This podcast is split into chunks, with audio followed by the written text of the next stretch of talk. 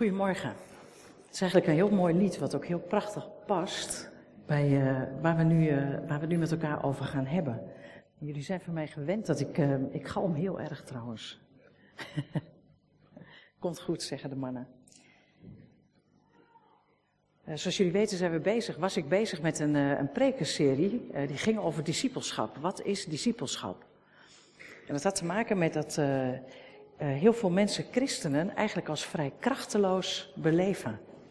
En we zelf misschien soms ook dat gevoel wel, ook dat gevoel wel hebben. Waar we het al een uh, aantal keren over gehad hebben, zijn eigenlijk stappen in discipelschap. En de reden om die uh, serie van preken te maken, had eigenlijk te maken met dat mensen heel vaak van zichzelf ook zeiden van, hé, hey, waar is onze kracht als christenen gebleven in de maatschappij? Maar ook dat anderen zeiden van ja, maar die, de christenen zijn ook een beetje krachteloos. Daar gaat niet zo heel veel van uit. En toen hebben we uh, een uh, schema gemaakt. Mag ik die er even bij hebben? En toen hebben we gezegd, eigenlijk zit iedereen op een gewone levenslijn. En die levenslijn gaat van boven naar beneden. En je wordt geboren en er komt een moment dat we afscheid nemen van het leven. En ergens op die lijn en dat is in principe gewoon een leven zonder Christus. dat hebben we vorige keer ook gehoord van Gerlof. Christus is niet heer van deze aarde. Dus op die lijn leren we ergens Christus kennen. En in onze kringen noemen we dat dan een bekering. Maar het is eigenlijk Gods actie naar ons waar wij antwoord op geven. God strekt uit en wij zeggen ja. En dan begint er eigenlijk een nieuwe lijn. Sorry, een spirituele lijn als je wil. En dan willen we het liefst met z'n allen gelijk als koningen heersen. Dat, dat, dat spreekt ons wel aan. Dat vinden we fantastisch. Daar zijn we toch toe geroepen. En dat zie je soms ook, dat mensen al direct eigenlijk het allergrootste willen doen. Dat is eigenlijk een, nou ja, een baby die zegt dat ze alvast wat mathematische oefeningen wil gaan doen. Hè? Dan denken we, dat is leuk en dat is een illusie. Nou, dat is, dat is het in discipelschap ook. Als je tot bekering komt, heb je gewoon een paar stappen te doorzetten. En ik vind het ook heel mooi dat de Bijbel dat vergelijkt met volwassen worden in Christus. Je bent niet gelijk op het hoogtepunt. Je hebt wat stappen te zetten. Nou, die stappen, daar zijn we mee bezig geweest. We hebben een, eh, een, eh, zondag gehad, hebben we het gehad over puinruimen. want als je zonder God leeft, dan, dan doe je puin op in je leven. Dingen die jou dwars gaan zitten. En misschien keuzes die je gemaakt hebben en die gevolgen hadden. En die puin, daar mag je afscheid van nemen, want je kunt niet een huis bouwen op puin. We bouwen ons huis op de Heer Jezus Christus. Het is te simpel om dan te zeggen, ach, dus dan doet dat hele verleden er niet meer toe. Ik heb te vaak gezien dat juist dat verleden dan nog heel veel invloed heeft, ook op relaties, waardoor die dan stuk gaan waarvan ik denk, oh wat jammer dat er geen tijd is genomen om die stap van het puinruimen, van gewoon je leven bij God brengen, uh, dat die niet gezet is. Nou, volgende stap die we hebben gezet, dat is van wat is nou eigenlijk discipelschap? is discipelschap alleen maar uh, frank en vrij en vrolijk? Of is het je kruis op je nemen en kiezen voor Christus niet alleen als je redder, want dat willen we vaak wel, hè? Iemand zei van, nou, als ik naar Christus kom, dan weet ik dus zeker dat ik naar de hemel ga. Dat klinkt een beetje als de voorwaarts hoort wat theorie, hè? Maar dat willen we wel. Hij mag best onze redder zijn. Maar mag hij ook de Heer van jouw leven zijn? En dan hebben we het over discipelschap. Dan is Christus Heer van ons leven. En toen hebben we nog gekeken naar wat voor gebieden hebben we dan in ons leven waar de Heer Heer over mag zijn. En er zijn er bepaalde dingen, dan mag hij dat best, hè? of we wel of niet Bijbel lezen, daar mag God Heer over zijn, of bidden. Maar als het over de portemonnee gaat, mag hij daar dan ook Heer zijn? En als het over je seksleven gaat, mag hij daar dan ook Heer zijn? Of relaties die je hebt? Of vergeving geven? Misschien aan die mensen die je zo vreselijk gekwetst hebben dat je denkt, nou weet je, alles behalve jij. Mag die daar dan ook heer zijn? En ze hebben gezegd, nou als we dat niet doen, dan zijn we nog helemaal volop bezig met discipelen zijn. En elk, elk gebied, laat ik het zo proberen simpel te verwoorden, uh, dat maakt het voor mij namelijk heel duidelijk vroeger. Uh, het gebied waar je God niet heer hebt laten zijn, daar ben je op aan te vallen. Want als hij daar geen koning is, dan is daar iemand anders koning. En dat is ook waarom het zo belangrijk is om gewoon met een bepaalde regelmatigheid, wij doen dat ook, te kijken weer naar je eigen leven en te kijken, hé, hey, is het nog allemaal van God? Of ben ik ondertussen even mijn lekker mijn eigen dingetje aan het doen? Want er zit een beetje risico in. Kom ik later op terug. En al puinruimend, uh, discipel wordend, zijn we aan het volwassen worden. En daar hebben we het ook over gehad. En je wordt steeds volwassener. Je leert eigenlijk om jezelf en je leven over te geven aan God. En soms is het begin allemaal heel fruitig en vrolijk. En denk je van, nou, dit is eigenlijk wel heerlijk. En dan opeens komt de tegenstand en dan komt de weerstand en gaan de dingen anders dan je had verwacht. Je raakt je baan kwijt, je wordt je ernstig ziek, uh, uh, je partner gaat bij je weg, je kinderen worden geen christen, nou, ik noem maar wat. Allemaal van die life-changing events waar je echt mee kan zitten. En dan haken heel veel mensen af. Denk van ja, dat christendom is toch niet zo leuk als ik dacht.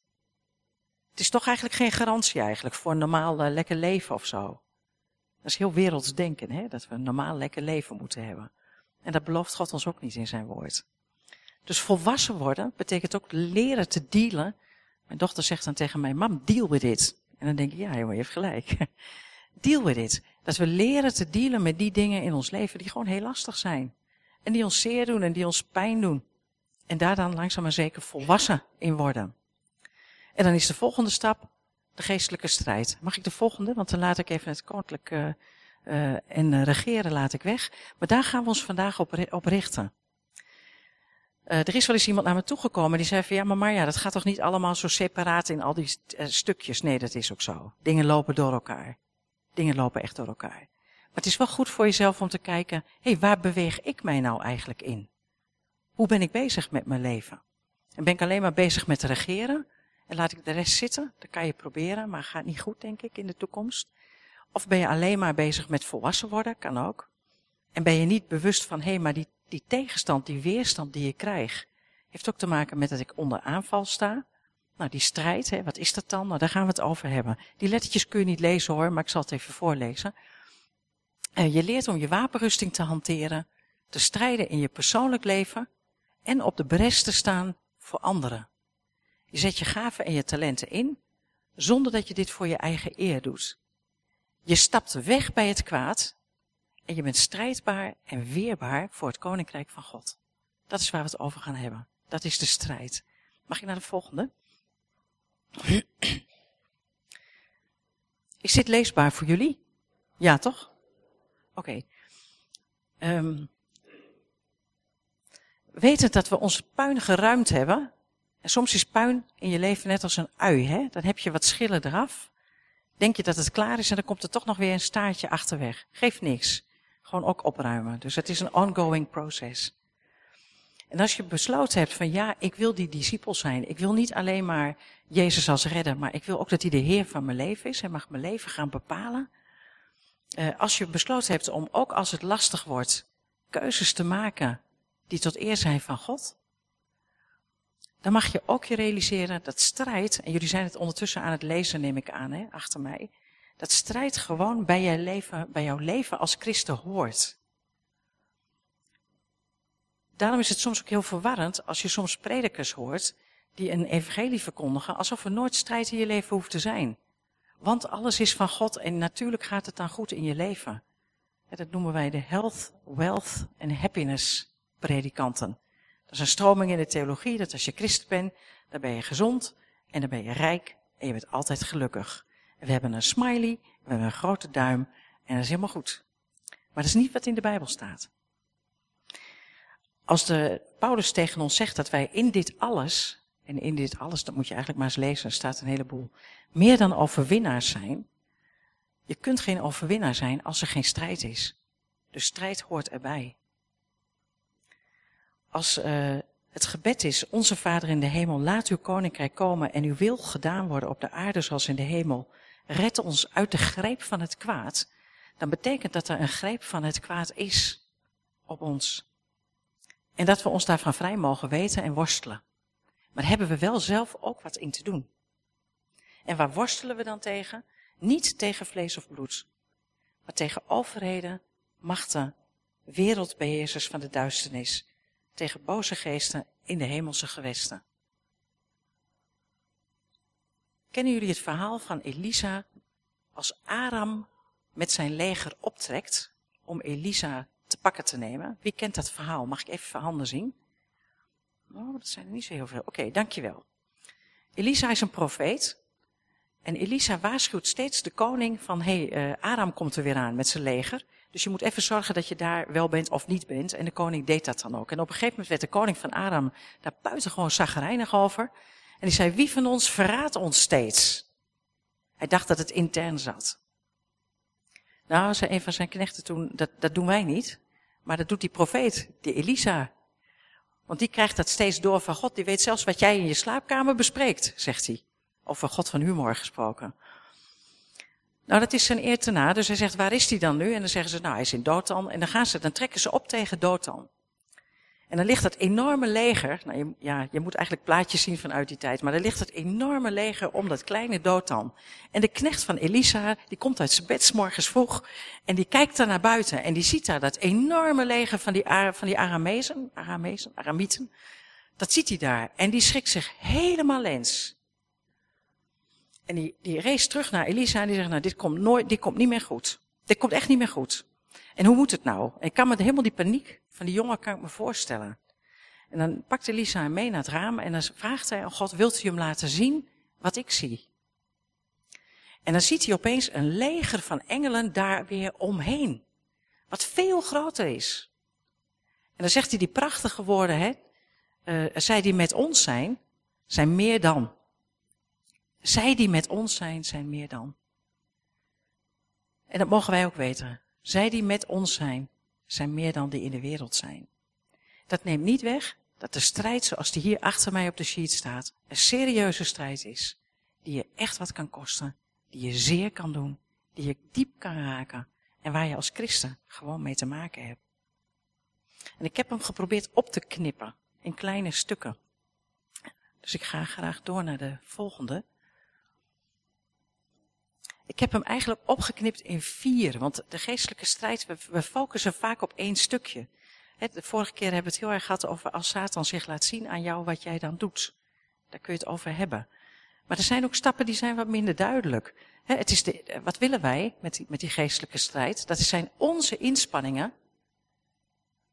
Niet zonder Gods geest, hè? want dan ga je in eigen kracht. Maar dat zijn onze inspanningen om de invloed van Gods koninkrijk te bevorderen. En dus ook die van het koninkrijk van Satan te verkleinen. Dat, dat is in je eigen leven en dat is ook in de wereld om je heen. Dus het is niet alleen maar voor jezelf, het is ook in de wereld om je heen.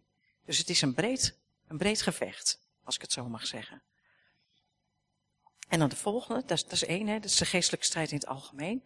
En de volgende uh, geeft eigenlijk aan van, hé, hey, het is een, een innerlijk gebeuren grotendeels. Ga er zo meteen nog even op in. Het is jouw verdedigingsstrijd tegen allemaal leugens die op je afkomen. Uh, beproeving. Sommige mensen noemen het liever verleiding. En uh, soms ook echt verlangens die tegen God ingaan. En daar hebben wij onze strijd te strijden. Het maakt het ook wat behapbaarder. Maar het zijn drie grote dingen. Nou, dan heb je ook nog een uiterlijke component. En de uiterlijke component, dat is de uitbreiding van het koninkrijk van God in de wereld en het terugdringen van die invloed. Dus we hebben te maken met een innerlijke strijd in onszelf en een uiterlijke strijd in de wereld. En die innerlijke strijd, die begon ik net met leugens. Hè? Kun je even met je buurman of buurvrouw uitwisselen welke leugens, dus die niet van God zijn, gedachten in je hoofd, heb jij wel eens last van, waarvan je weet, dat is niet van God, maar ik heb er wel last van. Wissel maar even uit. Mag, mag, ik even wat leugens horen van wat jullie hadden? Uh, roep eens, kun je even gaan staan en wat zeggen? Faalangst, dankjewel. Je voelt jezelf, genoeg, jezelf niet goed genoeg ergens voor, ja? Hypocrisie, ja? En gevoel weer, hè? Gevoel van hypocrisie, ja? Jouw strijd, je kunt van alles voelen en, en, en, en willen en denken, maar de strijd is om echt hem heer te laten zijn. Ja, pak ik hem goed? Oké. Hij heeft heel lang gedacht dat God je net zo lang beproeft totdat je bezwijkt. En dat God dan zegt, nou jammer, bezweken. En zijn handen ervan aftrekt. Dit zijn leugens, hè mensen. En ik vind het fijn om ze hardop te noemen. Waarom? Omdat we dan ook even horen dat het leugens zijn. Want het zijn leugens. En heel veel leugens hangen samen met wat er nu achter mij op het, op het, uh, op het papier staat. Heel veel heeft te maken met wat je hebt, wat je doet, wat je denkt, wat je bent, het is heel veel in ons denken wat echt lijnrecht tegenover God staat. En daar zit onze hele wereld zit daar vol mee. Onze hele wereld zit er vol mee. En dat vinden we dus ook normaal.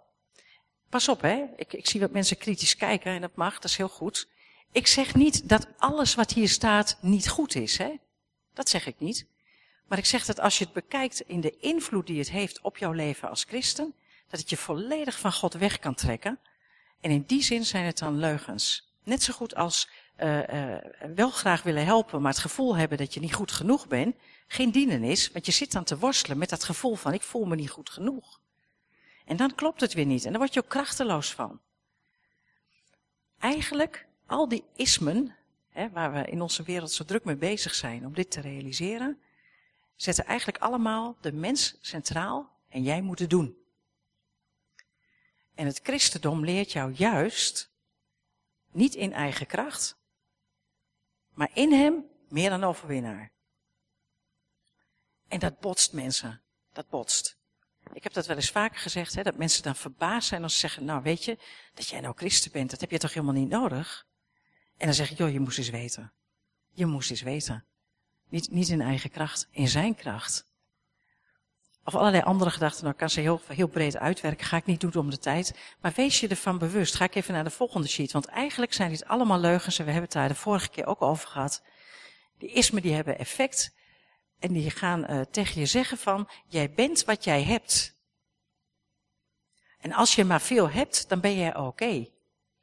Materialisme, het is niet waar. Of je bent wat je doet. Ook in christelijke kringen, hè. Mensen die zich helemaal uh, uh, het schompers aan het dienen zijn. Ja, maar ik ben toch dienstbaar en ik help toch iedereen? En waarvan de kinderen zeggen, oh pa, ja pa, die is weer aan het dienen in de kerk. Ja, dan gaat er iets wezenlijks mis. Dan lijkt het wel dienstbaarheid. En dan ben ik toch bang dat er iets onder zit waarop je aangevallen wordt. Een behoefte aan erkenning of een behoefte aan mogen zijn of aan invloed, whatever waarop je aangevallen wordt, waardoor je niet meer scherp kijkt, de bril hebt zoals de Heer Jezus die heeft, kunnen onderscheiden waar het op aankomt. Want wat is er nou belangrijker? Je kinderen of eindeloos hulpverlenen aan Jan en alle man? Hoe belangrijk dat ook is. Goed. En de laatste is van, je bent wat de mensen over jou zeggen. Dus als iedereen van jou zegt dat jij geweldige christen bent en een superdienaar, dan ben je het ook. En dan verlang ik bijna terug naar de kluizenaars van vroeger, de monniken die zich terugtrokken in meditatie en stilheid, om gewoon bij God te zijn en na te denken over wat staat hier in de Bijbel en hoe moeten we dat interpreteren. En helemaal niet bezig waren met wat Jan en Alleman over hun zei. Maar dit zijn de grootste beperkingen. Ik vind het nog steeds de, de, de meest snelle omschrijving van alle leugens waar wij mee lastiggevallen worden. En het begint heel jong. Het begint met dat je niet die Nike's hebt. Of niet die Adley's food kan, kan dragen. Enzovoort. En het gaat zo door, hè. Ik zat vorige week bij een groep en die zei van ja, maar ja, denkend over de toekomst, van wat willen we nou in de toekomst met ons leven, zei hij van ja, ik moet gewoon 100k hebben, want als ik geen 100k heb, dan kan ik mijn levensstijl niet meer volhouden. Nou, daar kan ik van alles van vinden, maar het enige wat me opvalt is dat dus jouw hele leven dan gericht is op die 100k. En dat mag van mij, 100k is 100.000 euro of zo. Ja. ja mag van mij, maar dat is dan de bril waardoor jij kijkt. En alles wat er om je heen dan gebeurt, ga je dan ook niet meer doen, want dat is niet meer interessant. Dus deze leugens trekken je eigenlijk weg bij God als God heel wat anders van je vraagt. Want stel nou dat God, uh, nou stel nou, stel nou dat God je in de zending wil. Ik heb nog nooit bijna nooit, nee, nog nooit van de zendeling gehoord die 100k verdiende. Toch? Betekent dat je dan dus dat maar niet gaat doen. En ik begrijp me goed, hè? Ik vind prima als je hele mooie banen hebt. En ik vind het ook prima als je heel veel geld verdient. Alleen kijk wat het met je doet, wat het met jou als mens doet, maar ook wat het met je als christen doet. Van hé, hey, volg Christus 100% na. Leugens zijn lastig. Nou, de tweede, wat we zeiden, is dat het zijn niet alleen leugens, maar het zijn ook beproevingen en verleiding. Mooi dat jij die er ook ingooide, uh, Willem. Van wat is dat dan? Wat is dan een beproeving of verleiding? Kijk even naar de volgende sheet. Ja, dankjewel. Het zijn eigenlijk moeilijke levensomstandigheden die ons welzijn of levensgeluk bedreigen of verminderen. Ik vind het mooi, omdat mensen wel eens beproevingen lastig vinden, om dat nou precies te duiden. Van wat is dat nou dan? En wat gebeurt daar dan mee? Wat, uh... Nou, en daar worden dan ook nog weer akelige dingen over gezegd voor de mensen die geen beproeving willen. want in de Jacobusbrief staat, beschouw het als een groot geluk. Wanneer je allerlei beproevingen overkomen. En weet dat als jou, jouw geloof de beproeving doorstaat, dan is standvastigheid het gevolg. En standvastigheid op haar beurt moet leiden tot volmaaktheid. En ik heb hier ooit een keer gevraagd, wie is hier volmaakt? En toen was er maar één iemand die de vingers durfde op te steken. Dus dat hebben we allemaal nog niet bereikt, ga ik daarvan uit. Beproeving is iets wat je zeer doet. dat lied wat net gezongen werd, ik geloof echt wel dat het leiding was. Het lied wat net gezongen was, werd over uh, vergeving. als er vergeving is, dan kan er genezing zijn. Dat betekent dat iets, jou, iets of iemand heeft je vreselijk geraakt. Want anders kun je wel zeggen, oh sorry porrie, klaar, weet je, zand erover. Maar dat is het niet. Dit gaat over hele diepe dingen. Beproeving is niet oppervlakkig. Beproeving raakt je in je ziel. Dat raakt je in je zijn. En daar willen we het liefst zo snel mogelijk bij weg. En we vinden het moeilijk om erbij te zijn en dan te zeggen tegen een gemeente van mensen, ik denk dat ik beproefd word. Ik hoor weinig predikanten dat zeggen. En toch worden ze het allemaal, ga ik echt vanuit. En we zeggen het ook niet zo makkelijk tegen elkaar. We vinden het wel fijn om te vertellen dat we weer een overwinning hebben behaald. Hè? Maar weet je, ik denk dat we krachtiger worden als christenen als we ook dat stukje strijd met elkaar mogen delen. Van ik heb het hier verrekte moeilijk mee. Ik word hierop aangevallen. Het haalt me onderuit. Wat er net gezongen werd, prachtige woorden. Past er perfect bij. Wist je niet, maar is wel zo. Beschouw het als een groot geluk als je door allerlei beproevingen heen gaat. Kennen jullie het verhaal van onze braam? Nico heeft een braam. Of tenminste, die had een stekje van een braam. En dat is een stekje van de braam van zijn zus en die doet het overal.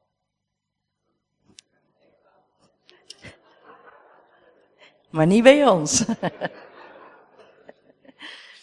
Dus na een jaar pamperen van het stekje, uh, zeiden we tegen elkaar van, nou ja, goed, dan moeten we maar een beetje snoeien dan. En dan, ja, misschien volgend jaar. En het jaar daarop deed hij weer niks. En toen, mag ik wel zeggen, toen werd je toch echt een klein beetje geïrriteerd. En toen was je eigenlijk wel in staat om er nog een keer met, met kop en staart helemaal uit te rukken. Want ondertussen maakte hij wel overal wortels en schoot ook overal kleine takjes op. En die waren nogal stekelig. Um, en toen zei ik van, joh, weet je, ergens in de Bijbel staat dat je drie keer moet proberen. Dus laten we het nog een derde jaar geven. En toen heb je me toch afgesnoeid. Verschrikkelijk. Ik kwam thuis, hij heeft hem eruit gehaald. Nee, er zaten nog kleine stompjes zaten erboven. Ja, je voelt hem aankomen, hè? We hebben nog nooit zo'n oogst gehad. Het jaar daarna. Maar ik was er bang voor. Ik denk, dit, houdt, dit, dit is te veel. Dit is echt te veel. Maar het was niet te veel. Het was niet te veel. Hij was ook niet afgeschreven, wat Willem zei. Hij kon het aan en hij ging daarna nog meer groeien en bloeien. Voor het eerst misschien wel zoveel, of niet misschien, voor het eerst zoveel als nu. En dat doet beproeving met je. Op het moment dat je het snoeien kan accepteren, als oké, maar dat, dat, God staat daar toe. Mensen vragen dan aan mij van, en ik heb daar geen antwoord op hoor. Ja, maar heeft God dat dan zo bedacht? Heeft God dan bedacht dat ik zo moet lijden? Dan zeg ik altijd nee, dat denk ik niet. Ik denk niet dat God bedenkt van, nou, nou zal ik eens even iemand lekker laten leiden. Nee, dat denk ik echt niet. Maar God weet wel dat het gaat gebeuren en hij weet ook dat het jou gaat overkomen. En dat weet hij niet pas gisteren, dat wist hij al vanaf het begin, dat dat ging gebeuren. En toch laat hij dat toe. En dan is het aan jou en mij om te zeggen, oké, dan laten we ons nu dus volledig ontmoedigen. En we storten neer ter aarde, dat mag ook wel tijdelijk, hè. Profeten eh, Elia deed dat ook, hè. Storten ook neer. Na de mooiste overwinning gaf hij uh, de pijp aan Maarten, wat hem betreft. Als je maar wel weer opstaat. Want ook dat hoort bij discipelschap. En als je maar realiseert van, jongens, wij staan onder beproeving. Dit is een aanval. Dit is een aanval op jou, op jouw geloof, op jouw christen zijn en op jouw uitstraling die je hebt in de maatschappij. En dat is niet alleen voor dominees, dat is ook voor als je achter die muziekdingen zit, die panelen. Eh, dat is ook voor als je in de keuken helpt, dat is overal. Christus wil ons de overwinning wel geven. Maar de tegenpartij zit daar toch helemaal niet op te wachten. Laten we daar even gewoon heel helder en eerlijk over zijn. En wij zitten in dat spel, en dat hebben we de vorige keer gehoord, en in dat spel mogen wij meer dan overwinnaars zijn, maar dat zijn we alleen als we ook werkelijk ons verbinden aan die God. Mag ik de volgende sheet? Verbinden in, ik was zo mooi, mooi wat jij zei, achterin, ik kan het even niet helemaal goed zien. Um, wat ik doe, wat ik voel, wat ik denk, wat ik wil, is dat werkelijk gericht op wat God wil? En hoe God dingen beleeft? Ik vond een mooi verhaal. En uh, dat ging over iemand die echt zwaar gezondigd had. En er zaten twee christenen tegenover hem in dat gesprek. En de ene die hoorde dat verhaal aan en die begon gelijk te oordelen. Wat een zondaar ben jij. Dat jij, van jou hadden we dat toch nooit verwacht. En er kwam een heel verhaal. En die andere man was alleen maar aan het huilen. En ik denk dat die keek met de ogen van God. Die zag de gebrokenheid van de zondaar. En die voelde de liefde van Christus voor deze man. Hij had alleen even geen woorden ervoor. En met het oordeel bereiken we helemaal niets. Want als we denken dat we iets meer zijn dan wie dan ook in de wereld, dan hebben we het flink mis. Want we zijn niet beter. We zijn alleen maar beter af. Als jij, ik heb vorige keer heb ik dat gevraagd aan jullie, hè, van hey, ben je meer een gevoelsmens? Ben je meer een denker? Ben je meer een willer? Of ben je liever aan het doen gewoon? Ben je liever actief? Dan weet je ook dat dat jouw valkuil is. Want waar jouw kracht zit, zit ook je zwakte. Je kunt een hele mooie spreker zijn. Maar als je dat niet onder Gods heerschappij doet, dan kan het gewoon om eigen eer gaan. En dat geldt ook voor iemand die het heel leuk vindt om heel veel dingen te doen. In de keuken, in het gebouw, in de tuin. En helemaal goed, zolang het om Gods eer gaat. Maar voor je het weet ben je voor jezelf bezig. En dan worden we daarop aangevallen. En dat kun je merken aan het feit dat je dan denkt, er is eigenlijk niemand die mij eer geeft. Er is eigenlijk helemaal geen waardering. Want dan gaat het dus niet meer om God, maar dan gaat het om jou. Zeg ik dat het verkeerd is om te waarderen? Nee, in tegendeel mensen. Laten we elkaar veel complimenten geven en veel waarderen wat er gebeurt. Maar check jezelf of je nog voor God bezig bent of dat je het eigenlijk aan het doen bent voor jezelf. Tot meerdere eer en glorie van, in mijn geval, krans. Of je eigen firma. Goed. God wil hierin betrokken zijn, hè? God wil voelen met jou. Die wil denken met jou. Die wil, die wil handelen met jou. En jouw wil met hem, het is niet zo dat God ergens daar staat en jouw wil, die moet vooral maar onderuit geschoffeld worden en dan beproefd totdat je onderuit gaat. Nee, God maakt gebruik van jouw wil. Ook iets van een jongere die zei tegen mij van ja, weet je, ik vind het eigenlijk fantastisch mooi om te zingen. Maar het zal wel niet de bedoeling zijn. Waarschijnlijk moet ik schoonmaker worden of zo. Dan denk ik, hoe kom je daar nou weer bij? Ook weer zo'n leugen. Als God je dat talent geeft, man, buit het uit. Ga ermee aan de slag. En als jij schoonmaken fijn vindt, en die zijn er hè mensen, en die kunnen dat ook goed, man, go for it. Hebben we hartstikke nodig in de kerk. En blijf elkaar waarderen voor wat we doen. Maar blijf jezelf toewijden in je hele proces, iedere keer opnieuw, uh, hoe hoog de beproeving ook is. Uh, want je weet, het is een stukje strijd. Dat was de laatste, was de verleiding, hè? Verleiding. Verleiding is jou van de rechte weg aftrekken. En verleidingen zijn leuk en mooi en heb je zin in. Het is lekker om te zien, het is lekker om te doen, het is gewoon lekker. Uh, een vriendin die belde me laatst op en die, of die appte mij en uh, ze zei, en heb je nog leuke, lekkere dingen die je gaat doen? Ik, ja, dat is de wereld. De wereld zit vol met, het moet leuk zijn wat je aan het doen bent en lekker. En er is ook niks mis mee. Alleen verleiding is ook zo lekker. En verleiding trekt je weg bij God. Dat is dat lekkere bed. Hè? Ik las ergens een mooie quote. De grootste vijand van de kerk is gewoon het bed op zondag. Ik dacht, ja, ik vond hem wel leuk. We moeten het niet groter maken dan dat het is. Want het bed, dat ligt lekker. Dat ligt, ligt, jouw bed ligt nooit zo lekker als op zondagmorgen. Bij wijze van. Maar het kunnen ook hele grote dingen zijn. En die weten jullie allemaal wel. Dat hoef ik allemaal niet uit te leggen. Maar ze komen op je pad het zijn uh, zaken waarvan je heel goed weet, dit is niet wat God wil. En waarvan je ook heel goed weet, en ik ga het toch doen. Um, en dat geldt ook voor die uh, verlangens. Mag, je, mag die door naar de volgende? He, verlangens die tegen God ingaan. Daarvan weet je heel goed, dit is niet wat God wil. En je weet heel goed, en ik ga het toch doen. Maar dat is de praktijk. Dat is de praktijk, want wij worden allemaal wel eens verleid. En we worden allemaal wel eens, gaan we wel eens de mist in. Dus ja, wat, wat, wat moet je daar dan mee? En sommige mensen kunnen zich daar heel schuldig voor voelen. Hè? Dat haalt ook de kracht weg, hè? het moment dat je je heel schuldig gaat voelen. Dat heb ik ook tegen op dat liedje van uh, Maak mij rein voor u. Ik vind het een prachtig lied, ik zing het met hart en ziel mee. Maar ik sta hier rein voor u, is meer mijn tekst. Ik sta hier rein voor u, want hij heeft mij rein gemaakt. Hij heeft jou en mij rein gemaakt. Want anders kan schuld je zo verschrikkelijk overwoekeren.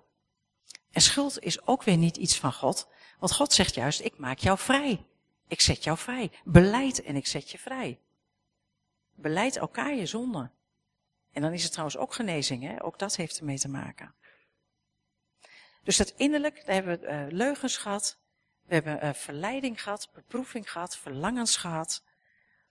En als we willen ontmoeten, groeien en delen, hè, wat, het, wat, uh, wat, wij willen als kerk, betekent het ons dat, met, dat, wij met hart en ziel die strijd te strijden hebben. En dan wil ik nog naar, naar twee sheets gaan en dan laat ik de rest voor een, een andere keer. Dit is de eerste. Hij is niet van mezelf.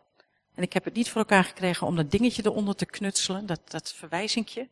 Maar ik ben hier heel erg blij mee. Want deze meneer, hij staat op internet, uh, pakt eigenlijk de vier, hè, verstand, gevoel, wil en gedrag. En kijkt ook bij wat dan je uitdaging is. Met ons verstand willen wij geloofzekerheid. Ken je ze de mensen die zeggen, ik zou het wel willen pakken, dat geloof, maar ik snap het gewoon niet. Het klopt niet. En, en dan worden ze daar aangevallen in hun denken. En die denken een wereld aan gedachten en jij kunt nooit al die vragen beantwoorden. Soms kun je een heel eind komen, maar we komen nooit helemaal daar. En zeker niet wanneer het een geestelijke strijd is. Nou, hoe belangrijk is het dan om je te richten op Gods woord en zijn beloften? Dan moet je dat woord wel kennen, hè mensen? Dus ik, ik pleit altijd voor, mensen ga je Bijbel lezen. Niet omdat het mot, maar omdat daar zoveel kracht in zit. Omdat er zoveel kennis in zit. Omdat jouw geloof daarvan gaat groeien. Nou, sommige mensen worden meer in hun gevoel aangevallen. Hè? Dan gaat het veel meer om beleving. De geloofsbeleving. Ja, ik vind het niet zo fijn in de kerk. Want ja, het wordt niet beleefd zoals ik het beleef. Of hele kerken worden afgeschreven, hè, omdat we daar een beleving hebben die net even anders is dan bij ons. Ik vind het echt een stukje aanval. Wat maakt dat nou uit? Jouw geloofsbeleving betekent dat je mag schuilen bij God. Dat je daar je rust mag vinden. En dat mag je met je handjes in de lucht doen. Dat mag je op je knieën doen. En met je vlaggetje of zonder je vlaggetje. Met een, gezang op hele noten wat mij betreft. Of een psalm. Het maakt niet uit. Het gaat erom dat we met onze geloofsbeleving schuilen bij God. En daar onze troost vinden. En niet in de vormen van de kerk. Van, oh, wat zijn we popiopie met onze gemeente. En wij zijn nu trouwens ook modern, hè, nu met onze wifi. Dus uh, we komen ergens. Uh, maar we weten allemaal, en ik zeg dat schrapje, hè, dat weten jullie ook van mij. Maar, want we weten, daar ligt het uiteindelijk ligt het daar niet in. Uiteindelijk ligt het erin van, hé, hey, vinden we, vinden we onze schuilplek bij God zoals we het net gezongen hebben. De wilskrachtigen onder ons, die worden aangevallen op waar zit je geloofskracht? En mensen zeggen wel eens van, hé, hey, waarom zijn het nou juist die bepaalde personen die aangevallen lijken te worden in hun leven op juist dit gebied? Is, het, het, antwoord is zo simpel. Daar ligt hun kracht en dus hun zwakte. Want het zijn mensen die zijn wilskrachtig. En hoe pak je wilskrachtige mensen aan? Die tref je in hun leven. Die tref je in hoe de levensomstandigheden zijn. Want dan worden ze onzeker. Want ja, zolang ze weten waar ze heen moeten, Mozes, geen probleem. Toen Mozes, ik, ik mag niet mee. Ik mag niet mee dat, dat, dat beloofde land in. Toen werd het een ander verhaal. Dan wordt het ook even moeilijk. Want dan is je doel is ook even weg. Nou, zo kunnen we nog wat voorbeelden uit de Bijbel halen. Wilskrachtige mensen met geloofs, moeten hun geloofskracht in hun geloof vinden. En ook zo met het leven omgaan wat er op hun afkomt. En dan ga je dwars door alles heen. Maar je gaat wel dwars door alles heen met God in zijn geloofskracht. En uh, uh, Gerlof zei hier van, dan lach ik. Dan lach ik om wie Satan is. Soms kun je niet meer lachen hè, om wat je overkomt. Dan doet het te zeer. En dat mag. Maar één ding mag je wel zeker weten.